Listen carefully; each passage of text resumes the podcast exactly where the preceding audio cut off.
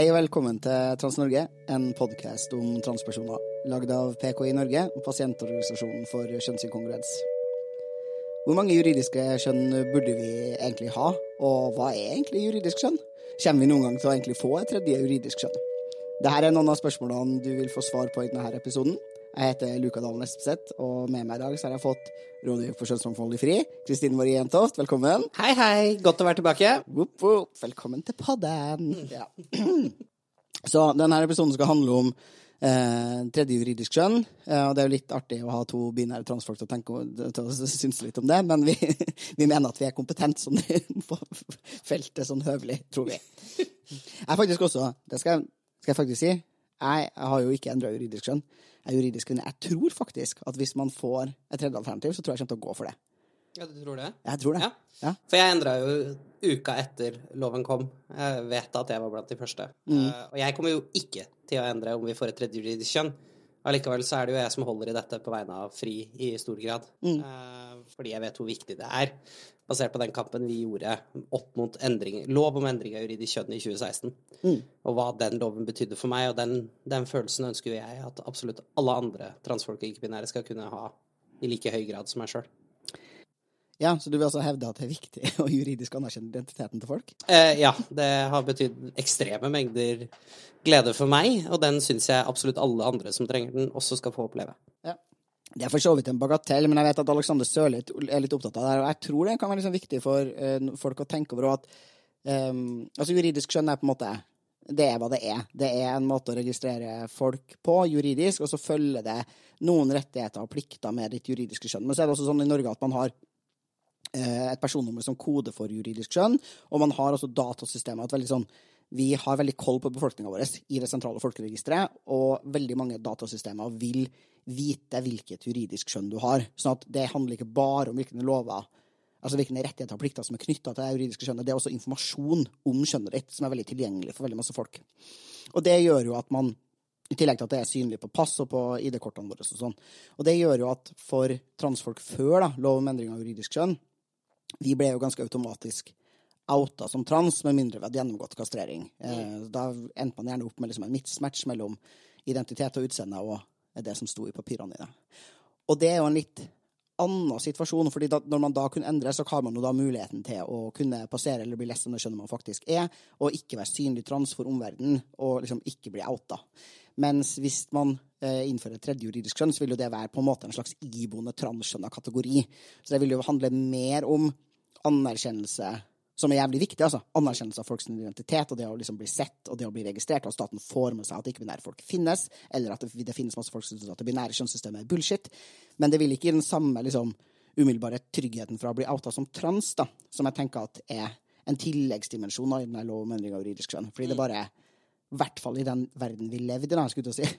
Det er jo ikke sånn at det er veldig mye mindre transfobi nå, da, egentlig, men sånn eh, Det var jo Statistisk så ligger vi dårligere an. Ja, vi gjør det. Men det var nå i hvert fall en tid hvor, og fortsatt er, da, hvor det å, å bli outa som trans kan være litt sånn eh, potensielt farlig når det skjer mot din vilje. Mm. Så her er det liksom forskjell på eh, på de forskjellige former for juridisk skjønn, da. Men ja. Ja, men så, te så tenker jeg også det at uh, ikke-binære er jo fortsatt ikke-binære den dag i dag. Og det å vite at du har staten i ryggen på det, uh, har en veldig stor effekt. Og det kommer vi også til, mest sannsynlig kommer litt tilbake til også med de forskjellige forslagene for, som er foreslått uh, bl.a. i rapporten til Lund og Co., som har foretatt en juridisk betenkning av utredningen om tredje juridisk kjønn, og og også det som Bufdir har foreslått. Um, hvor de bl.a. skisserer opp forskjellige alternativer til et tredje kjønn, eller et alternativ for, uh, som skal romme ikke-binære. Og da vil vi også komme inn på det uh, i et par av disse tingene som uh, har blitt foreslått, hvordan det um, ikke i like høy grad anerkjenner ikke-binære. Så da har vi jo egentlig forklart litt hva juridisk skjønn er. Og så er jo spørsmålet hvor lenge har det egentlig liksom vært et issue at folk har ønska seg flere enn to alternativer? Uh, og jeg kan jo se for meg at folk har ønska seg det ganske lenge, all den tid vi jo har uh, all mulig grunn til å tro at ikke-binære folk har funnes like lenge som de binære folkene. Uh, men det har altså ikke vært et liksom, opplagt politisk krav fra den skeive bevegelsen i så mange år i Norge. Og det tror jeg handler primært om at det å være ikke-binær liksom bare ikke har føltes som en mulighet for folk, altså i et så binært skjønnhetssystem som det vi har hatt. at man har polisa transfolk, liksom, og sagt at det er på en måte, det er bare transmenn og transkvinner som finnes. Uh, og folk har sett lite muligheter for å leve som noe annet enn kvinne eller mann. Både med tanke på at ja, det har ikke funnes noen flere juridiske kjønn, det har ikke vært noe sosial anerkjennelse, det har ikke vært noe språk for å snakke om det, og det har ikke vært noe behandlingstilbud, og fortsatt ikke er noe behandlingstilbud for ikke-binære. Men det har jo vært en del folk som uh, har fronta ønsker noe som i hvert fall kan ligne på eh, et tredje juridisk kjønn, og blant annet Espen Ester Preli Benestad ønska for ganske mange år tilbake siden å få mulighet til å ha to pass. Eh, fordi hen var gira på å kunne eh, altså primært ha et, et, bilde, men også da et skjønn i passet sitt som matcha det uttrykket som hen presenterte når hen skulle gjennom postkontrollen. Da. Ja, for det var i hvert fall 2004 ja. og Espen Ester. Da var det mediedekning på det, så mm. det var ikke akkurat en ny tanke på Espen Ester da heller. Men, um, og da ble jo Espen Ester nekta um, uh, å ha da disse to bildene i passet. Eller to pass, som jeg tror mm. var det Espen Ester begynte å gå for senere enn det også. Ja. Um, jeg må jo Ja, jeg, jeg, har nå oppe en gammel NRK-sak ja. fra 2004.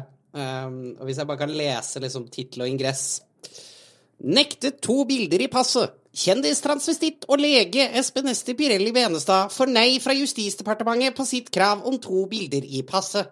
Nå går han til menneskerettighetsdomstolen i Strasbourg.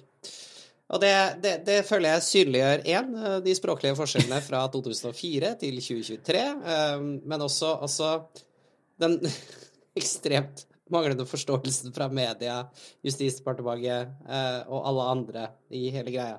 Og så bare ordet kjendistransvestitt. Ja. Det der det, det, det er cancelled. Det er cancelled. Nå må vi ringe noen sensitivitetslesere og få det endra. ja. Jeg har, fått, jeg har, ikke fått, den jobben ennå, men så snart jeg får den.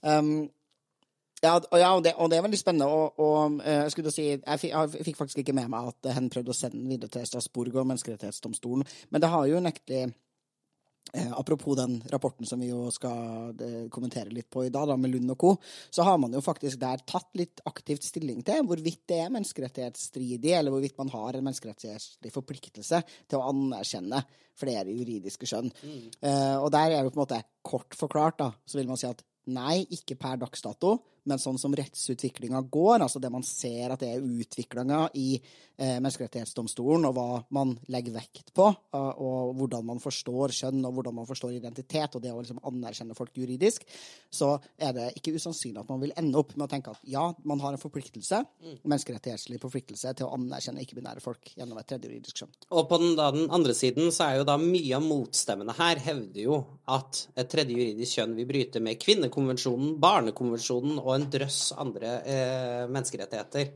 Eh, og det er jo litt av det Bufdir har ønska å liksom faktisk ta opp, og derfor de også har hyra inn Lund og co. Som er eh, De er jo et prestisjetungt advokatbyrå, eh, og nå tilgi meg nå, dette sier jeg ikke med jobbhatten på, mm. de er ganske streit streitesen eh, i profil, kan man si. Og det, det, det Derfor også er det ganske viktig å se på hva Streit Streitesen advokatbyrå har kommet fram til i tillegg. For da Altså, det er ikke som at det er Luka og jeg som har sittet i og juridisk gått gjennom alt dette, selv om det kunne vi sikkert helt fint gjort også, uh, uten å ha nødvendigvis ha jusutdanning.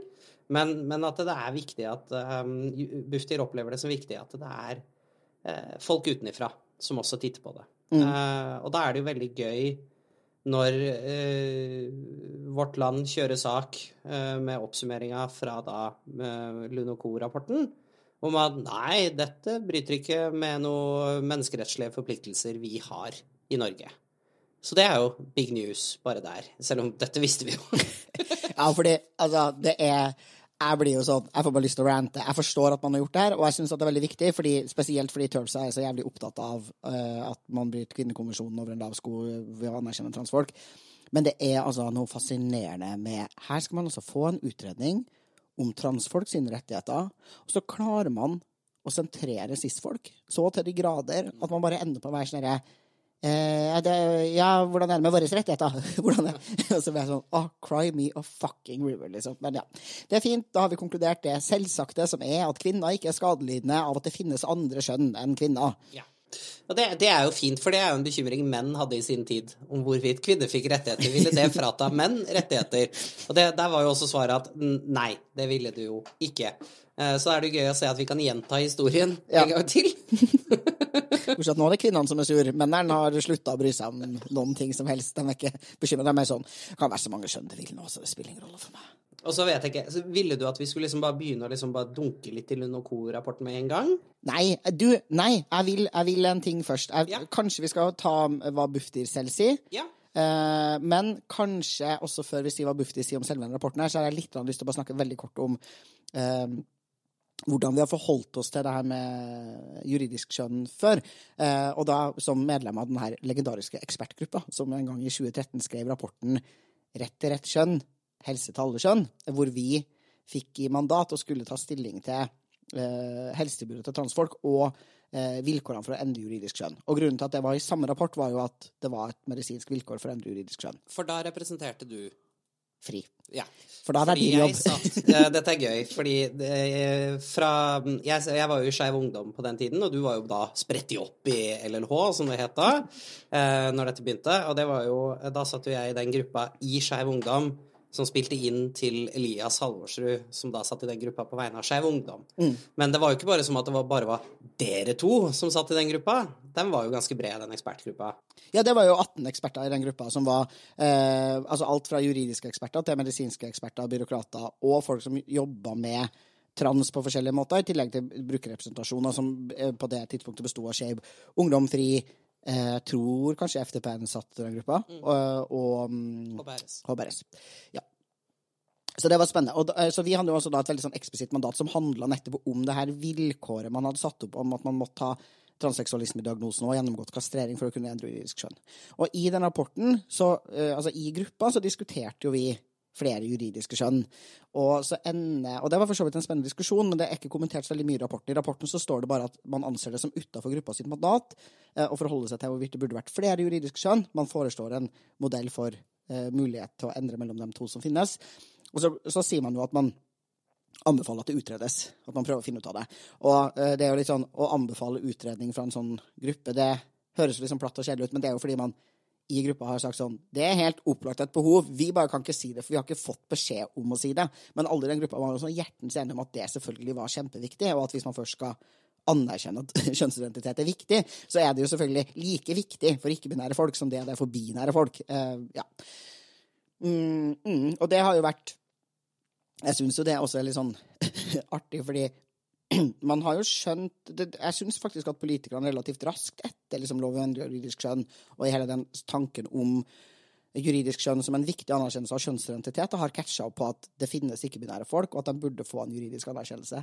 Eh, og det har jo også resultert i at folk har kasta sånne forslag om å innføre et tredje juridisk kjønn inn i Stortinget jævlig mange ganger. Ja, det har begynt å bli en god del jeg ganger. Jeg tror det har vært oppe i Stortinget liksom fire ganger. Ja.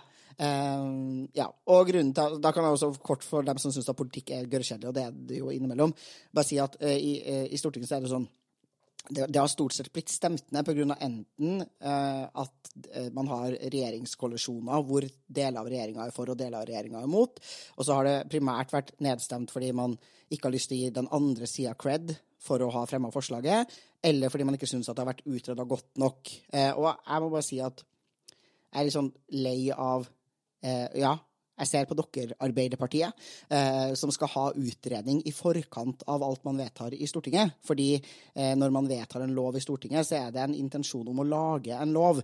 Eh, den vil alltid sendes videre til noen som faktisk utreder hva som er konsekvensene av loven, og hva loven burde være.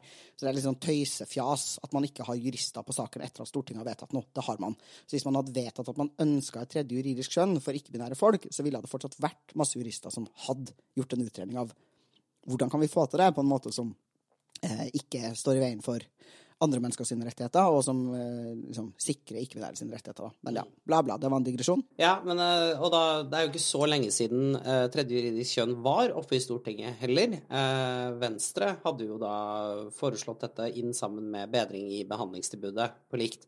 Og, og som en som satt og så på eh, sendinga fra eh, stortingssalen der, det, så tyder det på at her er det noen politikere som én må ta seg sammen og begynne å tenke på at mennesker er mennesker og må behandles med folkeskikk. Og da sikter jeg spesifikt til eh, f.eks. at Per-Willy Amundsen i sitt innlegg, og nå kommer det en liten content warning, framfor å diskutere dette saklig, valgte å eh, sammenligne ikke-binære eh, med katter. Uh, hvorpå han sa ganske eksplisitt at du blir ikke katt bare fordi du identifiserer deg som katt. Uh, og jeg syns jo det er veldig trist at dette ikke ble klubba, fordi det er ganske dehumaniserende retorikk overfor ikke-binære når man skal ha en seriøs samtale. Og da snakker vi ikke som at du sitter i et forum på Gaysir og diskuterer med en eller annen person. Her snakker vi om stortingspolitikere, og da syns jeg vi må forvente et litt høyere nivå. Ja, og han går også ganske langt i å basically si det som ikke kan forstås som noe annet som er det er ikke statens oppgave å bekrefte folk sin, sine liksom, vrangforestillinger. Um, og det er også det er ikke bare liksom sidestiller man, eller dehumaniserer transfolk og liksom tenker at kjønnsidentitet bare tøys og at det ikke er noen ting, men man går også ganske langt til å si at transfolk er psykisk syke, da, og at vår identitet og vår kjønnsidentitet er en, en vrangforestilling av noe som ikke stemmer. da. Mm, og det vil jo selvfølgelig, hvis det gjelder ikke-binære folk, så Tykkelig du, da gjelder det gjerne binære transfolk òg. ja, og så er det jo da også viktig å merke seg, for å ørntende gang, at uh, vi er jo da tatt ut av de psykiske diagnosene, altså kjønnsinkongruens, også i ICD-10, hvor Norge da har Vi har ikke beveget oss over på ICD-11 nå i Norge, så har vi allikevel tatt ut F64-diagnosene under psykisk helse og putta inn disse Z-diagnosene under seksuell helse og attåt. Uh, og det er ganske greit å ha i bakhodet. Så, uh, men, men også har jo da flere av partiene sagt at de vil vente på denne utredninga. Mm. så den er ganske viktig. Uh, og der har vi, vi Fri har jo da spilt inn. men det har også ganske mange andre fått lov til å komme med sine innspill. og da har jo da Bufdir skissert opp flere forskjellige ting. Barne-, ungdoms- og familie direktoratet. Ja. ja. Men, men og, da, og, da, tenker jeg at det blir viktig, det som du hadde tenkt å spille av der nå. Mm. Uh, fordi der har vi da Eirik uh, Aymar Engebretsen fra Bufdir, som presenterer uh, utredninga på tredje juridisk kjønn ganske ryddig på Dagsnytt 18 for et par dager tilbake. La oss høre på den.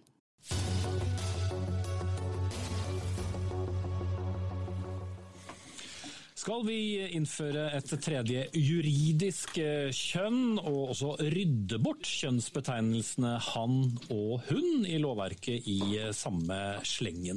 Ja, denne saken om et juridisk tredje kjønn er nærmest som en bumerang å regne i Stortinget for tiden. Ikke før er ett forslag avvist, før vi snakker om det igjen. For det er flere forslag som er skissert opp av advokatfirmaet Lund og co., får vi vite gjennom avisen Vårt Land i dag.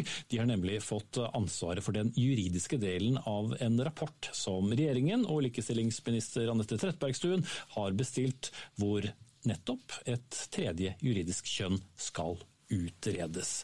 Eirik Aymar Engebretsen, du er seniorrådgiver for likestilling og universell utforming i Bufdir. og Dere har jo da fått dette oppdraget med å utrede et tredje kjønnsalternativ juridisk. da. Og la oss poengtere, rapporten er ikke ferdig, men vi fikk, eh, vi fikk mye innsikt eh, i det i dag. Men kan du si noe om status? Det kan jeg. Eh, vi kan starte med å si at som du sier, Bufdir har jo da fått i oppdrag å utrede muligheten for å innføre en tredje juridisk kjønnskategori.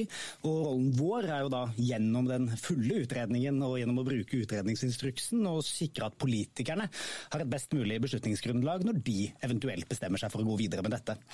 Og eh, Formålet for hele utredningen er jo et ønske om å bedre da ikke-binæres levekår. Og med ikke-binære så mener vi da personer som verken anser seg for å være mann eller kvinne, litt av begge deler, men også personer som avviser kjønn som merkelapp helt. da. Og Det gjør vi fordi at forskningen viser at ikke-binære har dårligere levekår og livskvalitet enn befolkningen for øvrig, men også enn andre skeive, bl.a. dårligere psykisk helse, utenforskap, diskriminering og vold. Og så ser vi også at befolkningen generelt har dårligere holdninger til ikke-binære enn til andre skeive. Mm. Og så er det slik at vi da bruker kjønn i veldig mange sammenhenger. Og de fleste av oss tenker ikke engang på at vi har et juridisk kjønn, siden det ikke skaper problemer for oss. Men hvis man da ikke passer inn i mann- eller kvinneboksen, så kan nok denne manglende rettslige anerkjennelsen bidra til disse levekårsutfordringene, noe vi også finner støtte for i forskningen vi har funnet så langt. Mm. Men dersom man skal fjerne f.eks. han, hun, ham, henne fra, fra, lovverket, så er det også en ganske stor jobb? Det er det. Så ønsker jeg å understreke at Lund og Co. sitt oppdrag har vært å på en måte skissere det juridiske handlingsrommet. Og så vil vi foreta en totalvurdering av dette før vi eventuelt kommer med anbefalinger i vår utredning i mai. Sånn at Lund Co. har jo foreslått en rekke lovendringer som f.eks. går langt i å foreslå avkjønning av enkelte bestemmelser. Og vi må vurdere det opp mot alle andre innspill vi har fått i arbeidet. Og konklusjonen i rapporten til Lund og Co. er jo at øh, dette er ikke problematisk opp mot f.eks. kvinnekonvensjonen, ikke sant? som hvis formål er å sikre kvinners stilling i samfunnet. Så lenge regler som skal sikre likestilling mellom menn og kvinner ikke fjernes. Og det har jo vi selvfølgelig med oss som likestillingsdirektorat, så vi vil jo ikke utrede tiltak som vil da vanskeliggjøre eller hindre slik likestilling. Nei, det skal være flere, eller bedre likestilling for flere, og ikke for, for færre. Vi skal straks til politikerne her, men hvilke andre måter kan det da ivaretas et tredje juridisk kjønn, dersom man ikke skal fjerne da disse kjønnsbenevnelsene? Det ene er jo, som du riktig sier, med altså, flere muligheter, hvor man da kan vurdere, istedenfor å fjerne, så kan man legge til. Altså at man sikrer f.eks. ekteskapsloven er et godt eksempel på det. Fordi at Ekteskapsloven sier at man kan gifte seg med en av samme eller motsatt kjønn. Og Hvis vi da innfører en tredje juridisk kjønnskategori uten å ha sett på det, så blir jo spørsmålet om man da oppløse en hel ekteskap og kan ikke ikke-binære gifte seg osv. Så, videre. så vi ser på de tingene, men da kan det være én løsning. At man heller legger til ikke-binære som jeg håper å si, begunstiget gruppe. Det kan være en mulighet. Og så er det en annen mulighet igjen, som er noe litt annet igjen, som ikke innebærer en endring i eh, folkeregisteret, men som f.eks. er at man i identifikasjonssammenhenger kan reservere seg eh, mot å identifisere seg som mann eller kvinne gjennom at man har en mulighet i pass og nasjonalt ID-kort for å ha disse markeringene, altså X-markeringen som vi kaller det. da. Men da vil det jo ikke være en endring i, i folkeregisteret i bunn. Så det er en av to mulige måter hvor man kan gjøre noe med da ikke-binæres levekår, som er hele utgangspunktet vårt. da. Mm. Jeg nevnte at det er nærmest en slags bumerang i, i, i Stortinget, dette. Ingrid. Orker ikke høre på de politikerne. Altså, hun fra Venstre, er det fra Miljøpartiet? Ja, det, er venstre, det er Venstre og Sp som kommer etter. Ja, ja. Så hun Venstre-dama er flott, liksom. Og hun senterpartidama er jo Hun prøver å være sånn mindre krenkere enn Jenny Klinge, men hun er jo bare ute, hun òg, liksom. Bare sånn Ja, dem som ikke Dem som ikke klarer å finne seg helt til rette, eller som klarer å finne ut av om de er kvinne eller mann. Altså, det er sånn Det er det ikke-binære. Det er dem som er liksom forvirra, på en måte. Men ja, skitt i. Spiller ingen rolle. Kristine velger å unnlate å kommentere på dette, da jeg ikke ønsker å gå inn på det politiske. Um, vi bare klipper det vekk. Men ja, politikerne, vi trenger ikke å høre på politikerne. Det viktige her er å redde oss fra Bufdir. Når du tilhører et parti hvor Jenny Klinge er en deltaker som har kasta seg inn sånn, så må man ha det i bakhuet når man kommenterer. Men jeg syns at her kunne kanskje Sp ha tidligere tatt et standpunkt uh, internt. Uh, for det sier hun ganske tydelig at det har de ikke. Uh, og da, da, er man litt sent til middag, uh, tenker jeg. Uh, men, men, jeg syns Først og fremst så må vi uansett, for det tror jeg ikke Bufdir går inn på der, mm. er jo at innen 2032 så skal vi ha bytta personnummersystem. fordi nå har vi jo disse fem siste sifrene etter fødselsdatoen din. Og det tredje sifferet i det, i de fem siste, det er jo det som angir kjønnet ditt. Og så viser det seg sånn at det var en skikkelig dum idé uh, på lang sikt å innføre det sånn, for da ligger vi an til å gå tom. Uh, er liksom uh, kort forklart det som skjer. Fordi hvert av de tallene betyr ting, og så er det altfor få tall. Så innen 2032 så må vi bytte. Og planen er da satt til 2032 eh, fra myndighetenes side om at vi skal bytte personnummersystem eh, i 2032, da. Så da vil vi uansett ikke ha et kjønnet i samme grad eh, opplegg. Og det, og det, blir da spennende å se hva vi går for, om det er sånn at vi som har eh, er født før 2032, får vi beholde det gamle, eller får vi et nytt et? Og så om hvorvidt alle som blir født etter 2032, får et kjønnsløst et, eller om de bare fjerner kjønn i det tredje sifferet, eller noe sånt. Og der er det litt uklarhet ennå hva de ender opp med å gå for. Um, ja, er det det? ja, Oh, ja, for jeg oppfatta den utredninga som at man, eh, alle vi som har fått personnummer før, vi beholder vårt gamle personnummer, men så fjernes kodinga. Men kodinga ligger jo der i at, at vi ser forskjell på partall og oddtall. Ja, men der har eksempel vi spilt inn blant annet at da vil du oute folk ganske automatisk ved å se hvilket personnummer de hadde før. Og så kommer da neste spørsmål. Hvis jeg er født før 2032, og så endrer jeg juridisk kjønn etter 2032, vil jeg da få et nytt personnummer tilhørende det nye systemet, eller vil jeg da få et gammelt personnummer tilhørende det gamle systemet? Og vil jeg i så fall bli outet videre via det gamle systemet hvis jeg får det?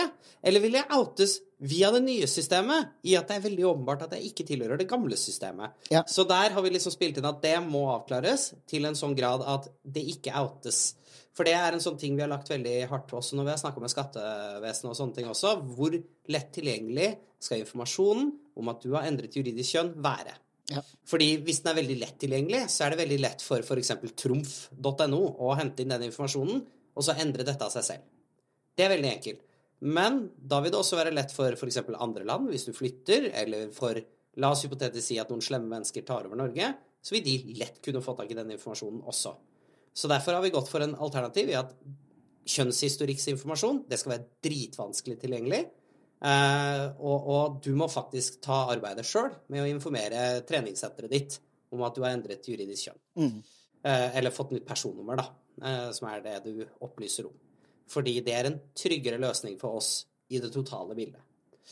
Eh, fordi vi lever ikke i en utopi hvor alt er trygt og fint og snilt og koselig hele tiden. Så Det kan man tenke på når man nå endrer er litt sur for alle disse stemmene man må si fra til selv. Det har faktisk noen opplagte fordeler, for det betyr at den informasjonen ikke er så lett tilgjengelig for Gud og hvermannsen. Men så bra at dere har gjort det, fordi jeg husker jo når vi Jeg var jo i et møte en gang med, eh, for mange år siden. Da jeg hadde din jobb, eh, hvor vi jo prøvde å forklare at de var nødt til å lage personnummer som ikke var skjønna på en eller annen vis, og så prøvde vi å skissere ut forskjellige liksom, problemstillinger det kunne reise. da.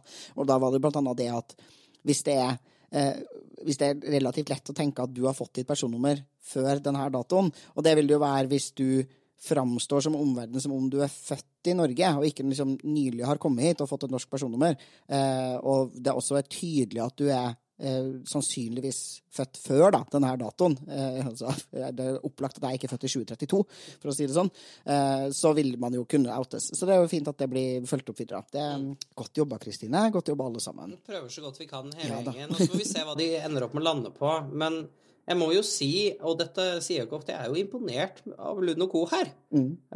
Det syns jeg jo er gøy. Fordi de fikk jo da i oppdrag å se på disse her eh, forskjellige alternativene som Bufdir presenterte, og så har de da lagt til et par alternativer sjøl. Og så har de gått, og det sier de også, at de går litt utenfor sitt mandat, de òg. Og så ser de på litt andre ting som også er relevant, som vi skal komme inn på. Um, vet ikke om du vil, vil Hva likte du best ved rapporten, Luka? det, skal jeg fortelle deg. Uh, altså, em, mm, altså det, er selvfølgelig, det, det er selvsagt at man konkluderer som man gjør, med at det ikke er noen menneskerettslige betenkeligheter rundt å skulle innføre en tredje juridisk skjønnskategori.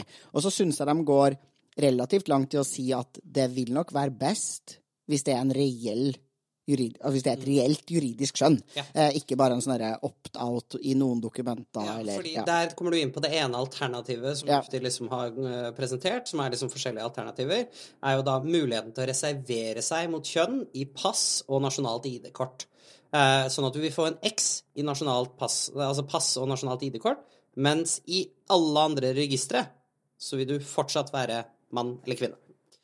Og den, den, det er jo en, en eh, løsning vi har eh, Hvis den alene kommer til, hvis den kommer til sammen med andre alternativer, så kan det være gøy og fint og bra.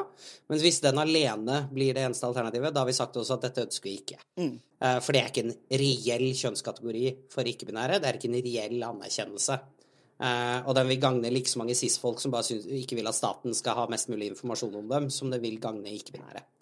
Eh, og, og i tillegg til det så vil den også presentere f.eks. utfordringer i relasjon med reise eh, ved å ha X i passet. Og så reiser du til et land hvor, eh, ikke, som ikke er så kult. Og så har du ikke den added benefiten at f.eks. du vet at Norge anerkjenner resten av deg også. Fordi du er egentlig, i gåseøyne, bare en mann eller kvinne i norske øyne også. Ja. Og så skal du oppleve all den kjipe tingen som du mest sannsynlig vil oppleve med en exit-passet, hvis du reiser til land som ikke anerkjenner exit-passet. Ja, det høres ut som sånn typisk anvendelse av jussen som ofte er liksom i, i sånn uh, kontinuerlig disfavør av transfolk. Ja. og det, det må jeg jo bare si, uh, og det toucher denne rapporten litt sånn kort innpå, som er kanskje det jeg er mest Hvis jeg skal si det som hva jeg er mest misfornøyd med, så er det jo at den til en viss grad forholder seg til et begrep som ble oppretta når vi fikk lov om endring av juridisk kjønn, og det er et såkalt fødselskjønn. Ja. Og det er ikke et egentlig juridisk definert begrep, sånn for å være nerdy. Og det man egentlig prøver å si, er hvilket kjønn du ble tildelt ved fødsel. Men eh, man bruker det ikke som hvilket kjønn du ble tildelt ved fødsel. Man bruker det som en slags ekvivalent til såkalt biologisk kjønn for å si noe om f.eks. reproduktiv kapasitet, eller antatt reproduktiv kapasitet, eh, og, og andre typer ting. Eh, og det er problematisk at man sidestiller det sånn. Eh, Hvis man først skal snakke om eventuelle rettigheter som skulle ha vært knytta opp mot ditt tildelte kjønn, eventuelt din reproduktive kapasitet, så må man beskrive det som det. Man kan ikke beskrive det som fødselskjønn. Fordi det, altså, det bare er upresist. Det er ikke sånn at jeg Altså, hvis du ikke har gameter, hvis du ikke kan bli gravid, så trenger du ikke rettigheter knytta til graviditet, på tross av at du kanskje da du ble født, hadde en teoretisk reproduktiv kapasitet som var graviditet. Hvis det gir mening.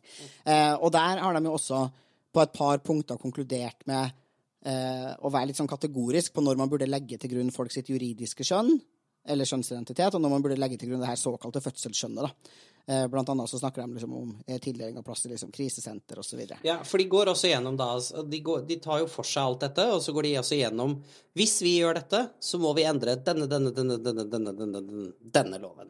Eh, og så kommer de også med hvordan det kan gjøres på en eh, restrukturerende måte. Og så går de også gjennom eh, Men hvis du er lat, så er dette alternativet. Eh, sånn at de har liksom tatt for seg, hvis vi ikke har kapasiteten til å gjennomføre dette på en sånn veldig grundig måte, så kan vi legge til dette i det eksisterende lovverket, og så vil vi oppnå til dels samme effekt. Ja. Eh, som, som overfor politikere er veldig fint ofte. Ja, men jeg har jo bare lyst til å si jeg, har jo veldig, veldig, jeg er veldig tilhenger av at man skal være grundig, og at man også skal gå gjennom de lovene som blir berørt av lov om endring av juridisk kjønn også. Ja. Fordi det man jo ser som konsekvensen av lov om endring av juridisk kjønn, det er ikke det alle transfobene sier på internett eh, og all over the place, om at nå har det blitt baluba i fengsel, og at alt har gått til helvete.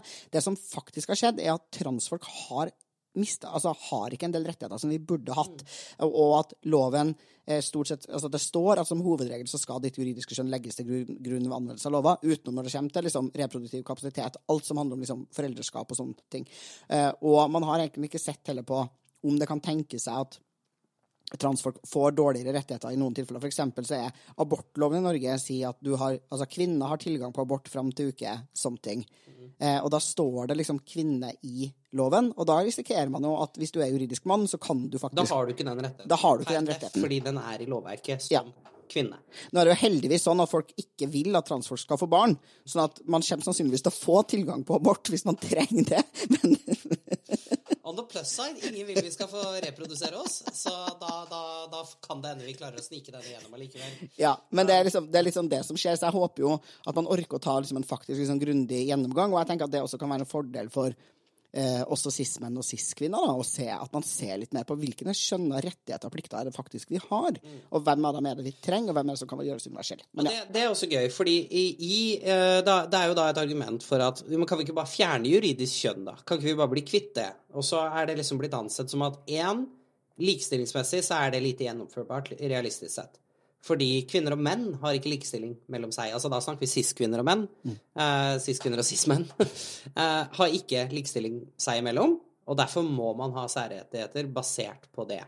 Eh, så derfor vil å fjerne alt juridisk kjønn i lovverket være lite gjennom realistisk før vi får et samfunn som i bedre måte ivaretar eh, likestillingsperspektivet også mellom eh, kjedelige cis-folk. Eh, så, så, og, og, og, så derfor er ikke den realistisk. Så derfor må vi se på løsninger om å legge til, som Eirik snakket om på, fra Bufdir i stad, på Dags 18 der. Eh, og det er, det er liksom de alternativene vi ser på nå. Og så fikk jeg også et spørsmål på Facebook fra Børge om uh, For han var redd for registreringen av et tredje juridisk kjønn, og han lister egentlig opp fordi hvor enkelt vil det da være hvis noen slemme mennesker tar over Norge, og finne denne informasjonen og sanksjonere deg basert på det? Og da lister han egentlig opp det som er et faktisk reelt eh, tema som har skjedd i Norge, og hvordan eh, motstandsfolkene risikerte livene sine for å ødelegge offentlige papirer fordi jøder var registrert som jøder på offentlige papirer, men også hvordan f.eks. Handmaid's Tale tar opp, som eh, tar opp noe som har skjedd i andre deler av verden også. Hvordan personnummeret ditt, og fordi vi har kjønnede sifre, kan gjøre at man kan bare fjerne alle rettigheter til kvinner med et datatrykk. Mm.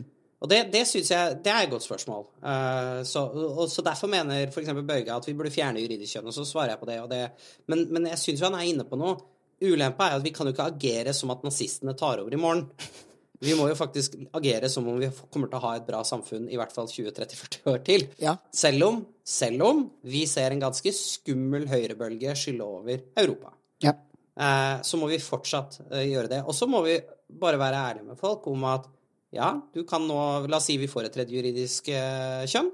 Da kan du endre til det.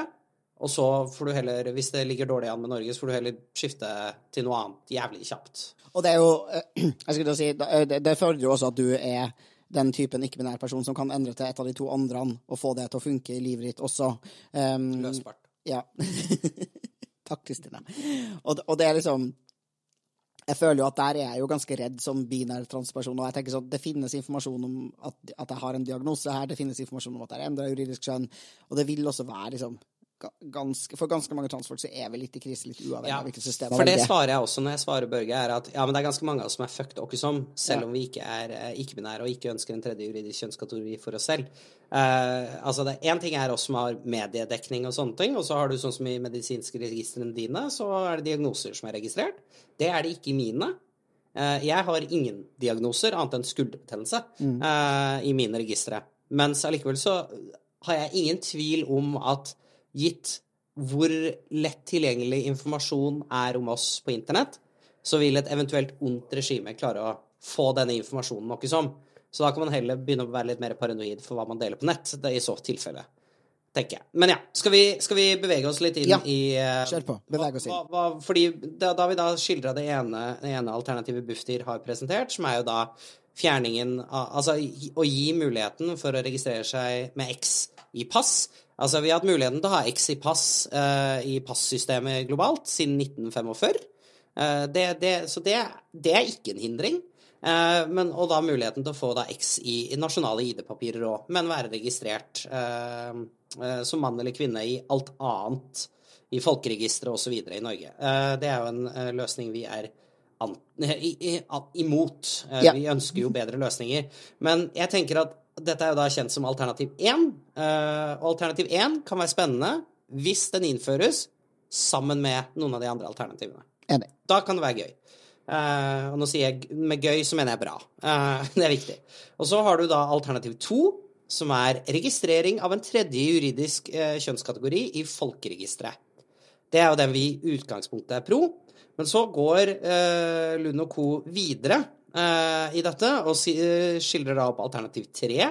En tredje juridisk kjønnskategori kombinert med positive rettigheter og plikter i øvrig lovgivning. Og så går de også på alternativ fire. En tredje juridisk kjønnskategori kombinert med avvikling av kjønnsspesifikke rettigheter og plikter. Og så alternativ fem, som er en kombi av alt vi nettopp sa. Um, så, og det, det er jo spennende. Da, og dette er, vi har jo da levert vårt innspill før vi har sett den juridiske betenkeligheten. Men jeg syns, når vi har lest rapporten, at fordi nå har um, Vi har jo da levert innspill her uh, for en tid tilbake, og jeg syns jo det er veldig gøy å se at Lund og co. lander på mange av de samme konklusjonene som de skeive organisasjonene. Det syns jeg er gøy.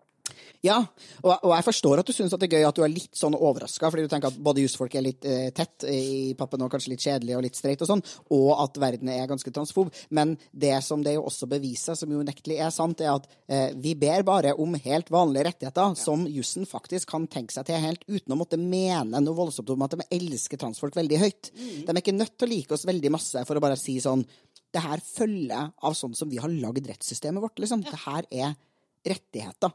Og da snakker vi da om mennesker med en ganske dyp og god forståelse av f.eks. For kvinnekonvensjonen, barnekonvensjonen. Den er kjempeviktig, eh, og liksom menneskerettighetene for øvrig. og, og som allikevel lander lande på en konklusjon at dette, dette, er kul, dette er bra greier. Dette kan vi gjøre. Dette, dette vil føre til positive ting. Uten å føre til negative ting. Og da, da har vi jo noen highlights fra denne eh, Lund og Co-rapporten Kjør på. eh, som de kommer fram. Um,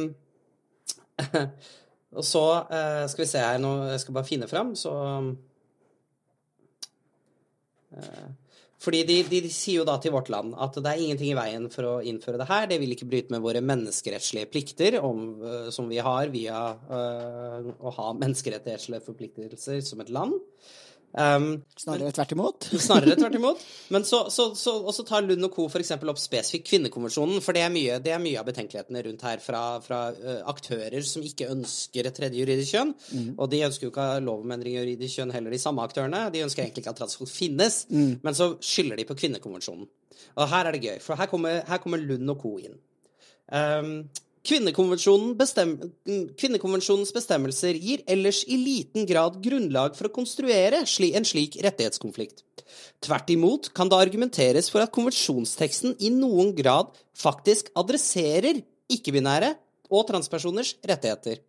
Etter artikkel 5a i konvensjonen skal konvensjonspartene treffe tiltak som er nødvendige for å endre menns og kvinners sosiale og kulturelle atferdsmønstre, med sikte på å avskaffe fordommer og annen praksis som bygger på stereotyped roles for men and women, eller på forestillingen om at ett av kjønnene er det andre underlegent eller overlegent. Så det er en ganske spennende tolkning. Uh, og dette er jo da fra folk som er 9000 mil lenger inne i jussen enn det jeg som person er, som syns at juss ofte kan bli litt dølt, uh, eller litt lite menneskelig. Uh, og allikevel så lander de på at ja, men vi opplever det som at kvinnekonvensjonen faktisk taler for dette. Og det er spennende, for det er direkte motsetning til det en del transfobiske aktører prøver å påstå. Og så Nå er det ikke jeg som trenger å gå imot det, jeg kan bare kaste en rapport foran meg isteden. Ja, det er deilig. Kaste Lund og co. Jeg kaster, jeg, jeg, altså, jeg kaster en prestisjetung advokatrapport Ja. foran meg isteden. Det er ikke transaktivist Kristine, eller utdanna frisør Kristine, eller rådgiver på kjønnsmangfold Kristine. Det er Lund og co. sa. Mm. Det er litt digg. Jeg skal ærlig innrømme at det er litt digg. Selv om jeg vanligvis står veldig godt i at det er jeg som sa, så er det litt digg å lene seg på at ja, ja, men dette er nerds på feltet som har utdanning og jobba med det og er ganske prestisjetunge. De sa. Jeg sa ikke. Eller jeg har også sagt, men Ja, altså, jeg sa det først, men det, det er en bagatell. Og så, og så sier de også, og det her er neste som jeg også syns er gøy um, eh, Ja. I den offentlige debatten har det bl.a. vært spørsmål om kjønnsdelte garderober og kjønnsbaserte klasser i konkurranseidrett som har vært et tema. Disse problemstillingene eksisterer imidlertid allerede i dag. Noe som illustreres av Diskrimineringsnemndas praksis på området, for der har jo nemnda har jo måttet ta avgjørelse på dette. Og så fortsetter de. Det er vanskelig å se at juridisk anerkjennelse av ikke-binær kjønnsidentitet vil medføre ytterligere utfordringer i denne sammenheng. Og så er det jo da veldig gøy hvordan disse transfobiske aktørene blander med Og de tror at det er lov om endring av juridisk kjønn som har gjort at transkvinner kan gå på do og tisse. Eh, og så glemmer de at eh, først og fremst så er vel det med sikra i diskrimineringsvernet, og at vi tissa på damedoen før det også. Ja. eh, vi, det var bare hyggelig å kunne gjøre det eh, og føle seg litt tryggere, men det er ikke som at jeg kommer til å stoppe å tisse på damedoen så lenge vi har damedo. Nei. Eh. Nei, det er, ja, det er sånn man peker på. Altså, det er veldig få av de tingene her som faktisk altså, som er problemstillinger som oppstår av juridisk skjønn. Det er problemstillinger som oppstår fordi transfolk finnes, og det kommer vi til å gjøre. Ja. Så det er på en måte, det er ikke noe option her at vi ikke skal finnes. Nei. Så det er, ja. Eh, du får skylde på cis-folka, for det er de som lager også. Er ikke det den der gamle joken om 'blame the straights, they keep yeah. making the gay people'? Ja. Typen. Eh, nå nærmer vi oss et uh, kjønnsløst samfunn, så dette, da slipper vi sånt. Sånne vitser. Nei da. Eh, og, så, avslutter de den med eh, en ganske også spennende en. eh, fordi at det var det du var inne på i stad. Hvordan lov om endring av juridisk kjønn har gjort at transpersoner står i en litt sånn prekær situasjon lovmessig hvor de mister rettigheter. Eller ikke har tilgang på ting basert på hvilken kropp og evner de har.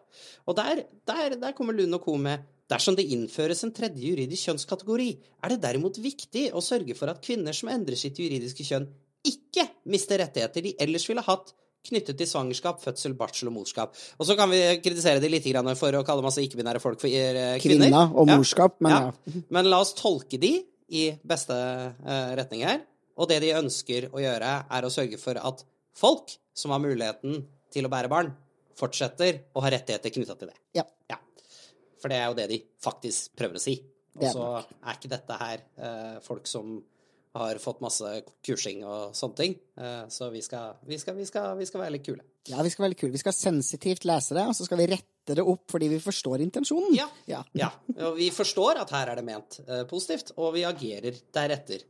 Eh, og så sier de også i helt klartekst etter vårt syn er det fullt mulig å anerkjenne ikke-binære som en egen juridisk kjønnskategori.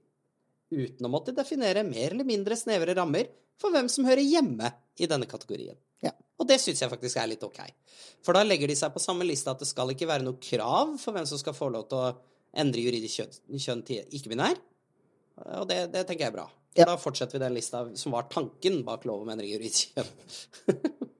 Ja, og, tenker, og det er et veldig veldig viktig punkt, tenker jeg. Altså, ja, har du flere? Ja, ta, Ja, jeg bare har en, de, de følger opp den på en uh, ganske spennende måte, egentlig. Mm. Fordi jeg ble jo spurt på Dags 18 ja, Jentoft, hvor mange kjønn skal vi ha, da? Hvorpå jeg sa at nei, vi kan jo begynne med et tredje, da. Sa jeg på joke. Det er viktig å understreke. Jeg, bare, jeg hadde ikke tatt noe særlig stilling til hvor mange vi skulle ha, om vi skulle gå full on Facebook med 62 alternativer, eller om vi skulle fjerne alt sammen til syvende og sist.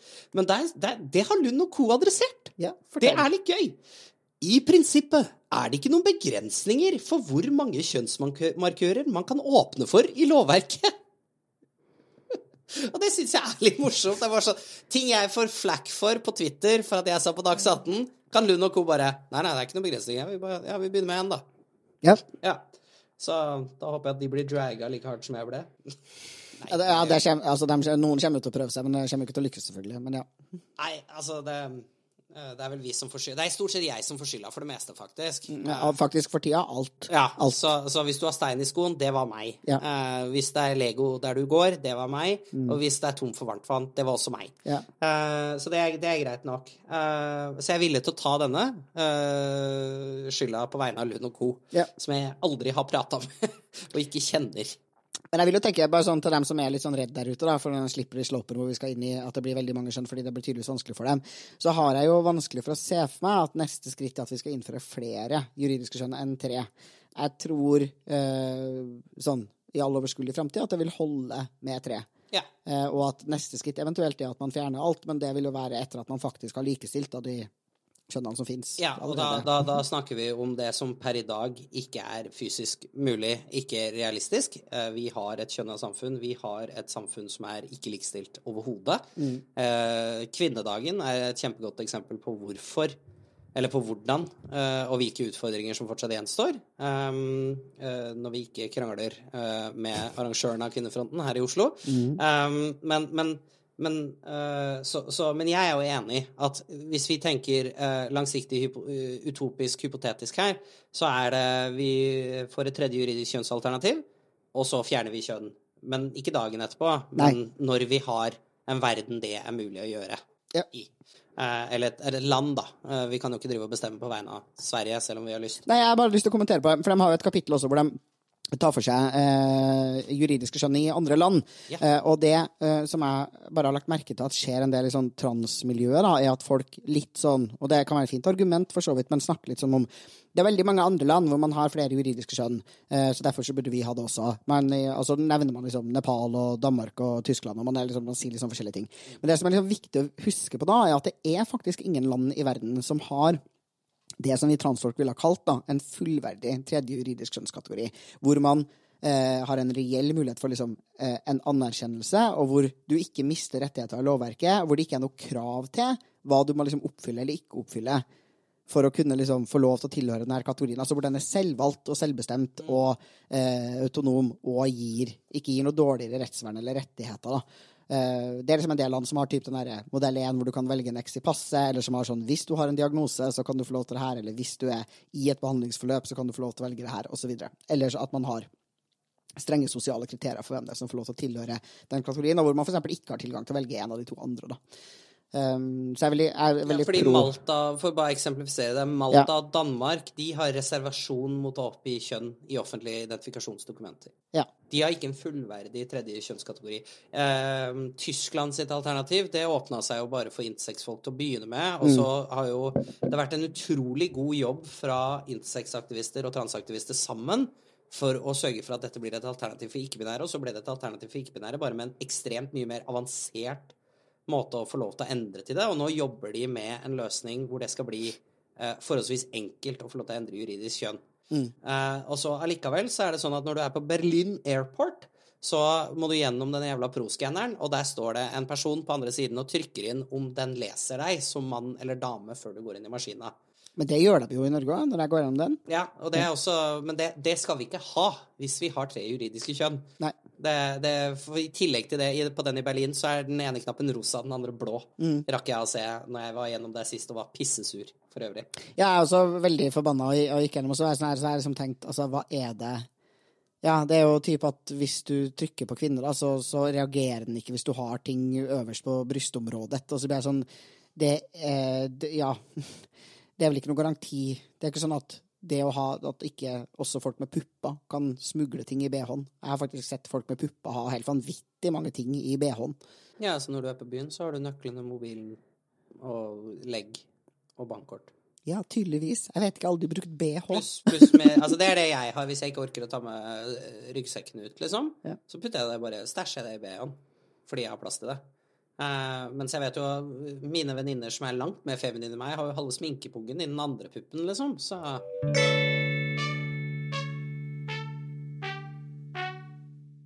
Så, så, så, så For da har vi liksom vært gjennom de tingene Lund og Co. har foreslått, og et par av de tingene de har trukket fram, og at det ikke bryter med menneskerettslige greier. Men de går litt lenger enn det. For de går også inn på å se litt på endringer endring av juridisk kjønn, da spesielt for barn. Fordi i Norge så har vi da lov om endring i juridisk kjønn, som sier at når du er mellom 0 til 6, så må du eh, ha medisinsk diagnose for å få lov til å endre, og legeerklæring på det. Og så 6 til 16, da kan du endre med én forelders godkjennelse. Um, og så kom, lander Lund og co. på at hvorfor har vi disse aldersgrensene? Det er ganske snodig. Det stemmer ikke egentlig helt med barnekonvensjonen. Eh, hvor de blant annet sier Skal vi se mm, eh, Skal vi se her hvor de har den. Um, ja. Aldersgrenser kan etter omstendighetene komme i konflikt med både hensynet til barnets beste og barns rett til å bli hørt i spørsmål som angår dem selv. Det er i denne sammenhengen aktuelt å peke på at kjønnsidentitet etter Den europeiske menneskerettighetsdomstolens praksis regnes som one of the most intimate areas of a person's private life.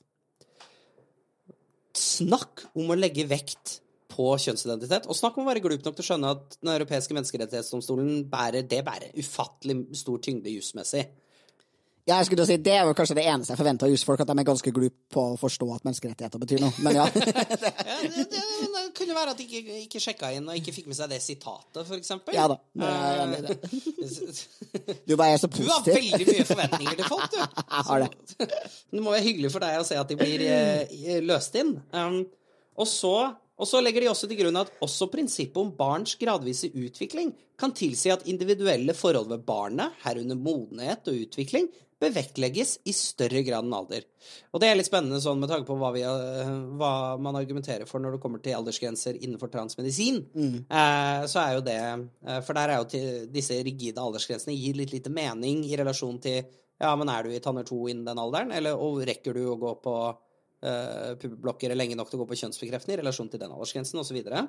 Eh, så, så det, det er spennende. Og så um, konkluderer de med, selv om det er utafor deres mandat, så konkluderer de med Endelig fremhever vi at Barnekonvensjonens bestemmelser, herunder hensynet til barnets beste og barnets rett til å bli hørt, tilsier en fornyet vurdering av dagens ordning for barn under seks år.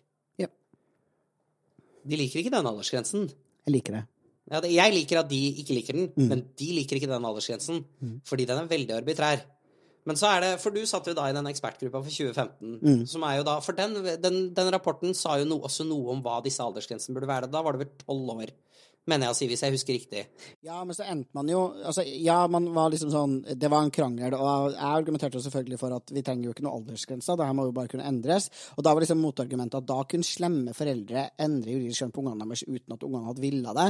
Det, sånn, det høres jo jævlig rart ut, hva slags foreldre det er, men fair enough. Men jeg ser jo ikke for meg at altså, Jeg klarer ikke helt å si at det er noe verre enn at slemme foreldre ikke vil endre juridisk kjønn på ungene sine, som trenger det. Um, og så endte man jo opp med den seksårsgrensa fordi man ønska at barna skulle kunne endre juridisk kjønn før de begynte på skolen. Sånn at første gang de er i møte med et system som skjønner dem uten at de er sammen med foreldrene sine, da, skal liksom kunne anerkjenne dem. Og så tror jeg også at man argumenterte vel til dels med at du nesten ikke kan se hvilket kjønn folk er når de er under sex. Og det er jo til dels riktig. altså Det vil jo være kjønnsuttrykk du i hovedsak bryr deg om.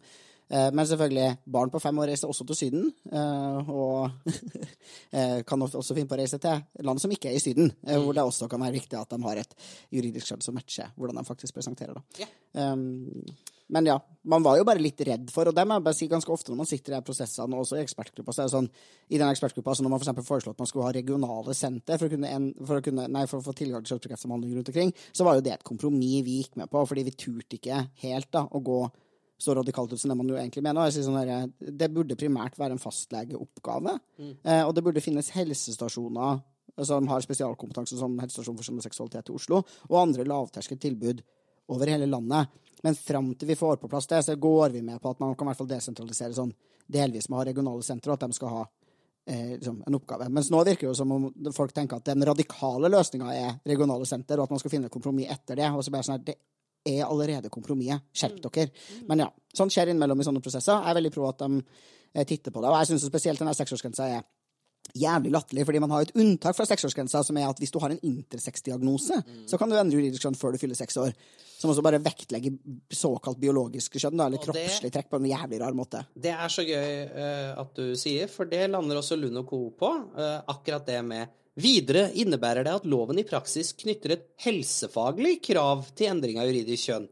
Dette strider mot lovens intensjoner om å bryte båndene mellom spesifikke diagnoser og retten til å selv identifisere kjønnsidentitet. Og så flira jeg litt når jeg leste neste setning, for dette er jo sånn dette, dette syns jeg er litt vanskelig å få med en del eh, transfobiske cis-folk med på.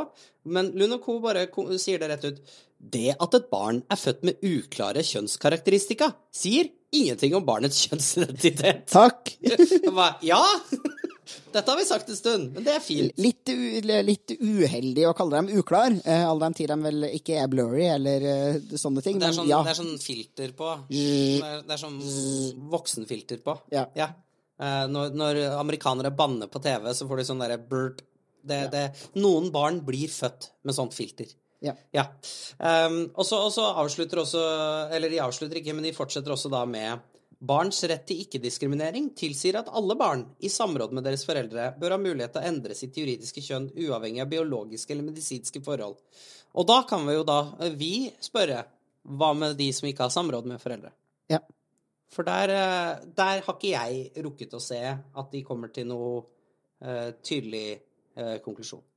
Nei, og det er jo de ungene vi alltid har vært bekymra for. Altså, Fram til nå så har det jo vært sånn at hvis du har ja, én foreldre samtykke mens du er mellom 6 og 16, så, så, så kommer statsforvalter inn og tar en barnets beste-vurdering som alltid går i favør av barnets beste, som er at barnet får lov til å endre juridisk skjønn. Men man har jo alltid vært bekymra for de ungene som ikke har foreldresamtykke. Ja. Um, men det er jo selvfølgelig det er jo en utfordring med barn generelt. Altså Barn har mange rettigheter, men de trenger voksne for at de rettighetene skal bli oppfylt. Da. Og så er det jo spørsmålet i hvor stor grad skal man innføre institusjoner og steder hvor, som eh, gjør eh, tilgangen til rettigheter lettere. Og der har man jo en del ting. Altså Skolen, lærere og andre voksenpersoner som møter barn, vil jo også ha mulighet til, til å sikre retten til, eller tilgangen til å få oppfylt sine rettigheter. da. Så det spørs jo, men, men jeg ser jo for meg at man kanskje ender på noe lignende. da, At du kan få hjelp av eh, en voksen eh, til å søke inn, og så er det statsforvalteren som tar en vurdering på et eller annet nivå. Men ja, vi får se hvordan de løser det. Det blir spennende. Kanskje det er jo en del rettigheter som per i dag, hvis eh, skolen skal ha noe sjanse til å gripe inn, f.eks., så må det via barnevernet. Eh, så da vil det i så fall, tror jeg, være en oppgave som ender opp innunder der, da, i så tilfelle. Ja. Eh, og da, da, må det, da må det drilles i barnevernet. Ja, det må det. Og så tenker jeg jo um, selvfølgelig hvis, altså hvis, det, hvis en forelder nekter å endre juridisk skjønn på ungene sine av en grunn som er transfobisk motivert, og de også nekter dem å leve ut kjønnsuttrykket sitt, og ikke anerkjenner dem språklig, og er kjip med dem og utsetter dem for eh, diskriminering og negative sanksjoner hjemme, så er det jo, da er det jo reelt en sak hvor barnevernet i hvert fall må inn og rådgi og hjelpe og støtte, fordi nå gir du ikke barnet ditt den beste omsorgen. Um, Og så, Men ja. og så bare konkludere Lund og co. helt. Eh, De, de må så anerkjenne at de, det er ikke deres mandat å konkludere med noe i relasjon til aldersgrense, men de anbefaler at lov om endring av juridisk kjønn, paragraf 4, som omhandler endring av juridisk kjønn for barn, underlegges en fornyet vurdering ved innføringen av en tredje juridisk kjønnskategori. Og det er også det vi har tatt opp litt, grann, at en del av Fordi Lov om endring av juridisk kjønn var jo en hastelov som kom, eh, ble veldig kjapt innført som resultat av å gi brøyt en del menneskerettigheter. Fikk det litt travelt der på tampen, når vi fant ut at faen, vi har brukt de her menneskerettighetene i 53 år. Er det på tide å slutte? Det ble liksom bråhast for å slutte å, mm, slutte å være slemme. Og det er jo fint at man innså at å ja, vi er faktisk rasshøl. Uh, skal vi endre? Ja, det skal vi. Uh, det, men det førte jo da til at loven har noen svakheter ved seg, og da deriblant paragraf fire er jo en av de. Så det er jo da fint å se at Lund og co. tar opp det uh, også, da, tenker jeg jo. Yep. Og så er vi jo spente. Bufdir sin utredning skal være ferdigstilt i mai. Eh, Så da rekker de ikke rundt på, inn på denne høringsrunda i Stortinget. eh, Så da blir det til høsten eventuelt. Og da får vi se. Ja. Og da håper jeg jo at noen har vett på å fremme et forslag i Stortinget som har litt bred enighet. Eh, Og det har man jo på en måte kunnskapsgrunnlaget til da, etter at denne rapporten kommer. Ja.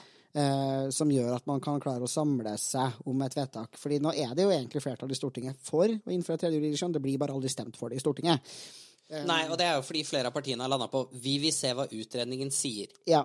Og det, det har de sagt eksplisitt. Det er flere av de større partiene. Og nå, hvis da Altså, jeg er jo positiv når Lund og co. og de skeive organisasjonene sier mye det samme i disse innspillsrundene.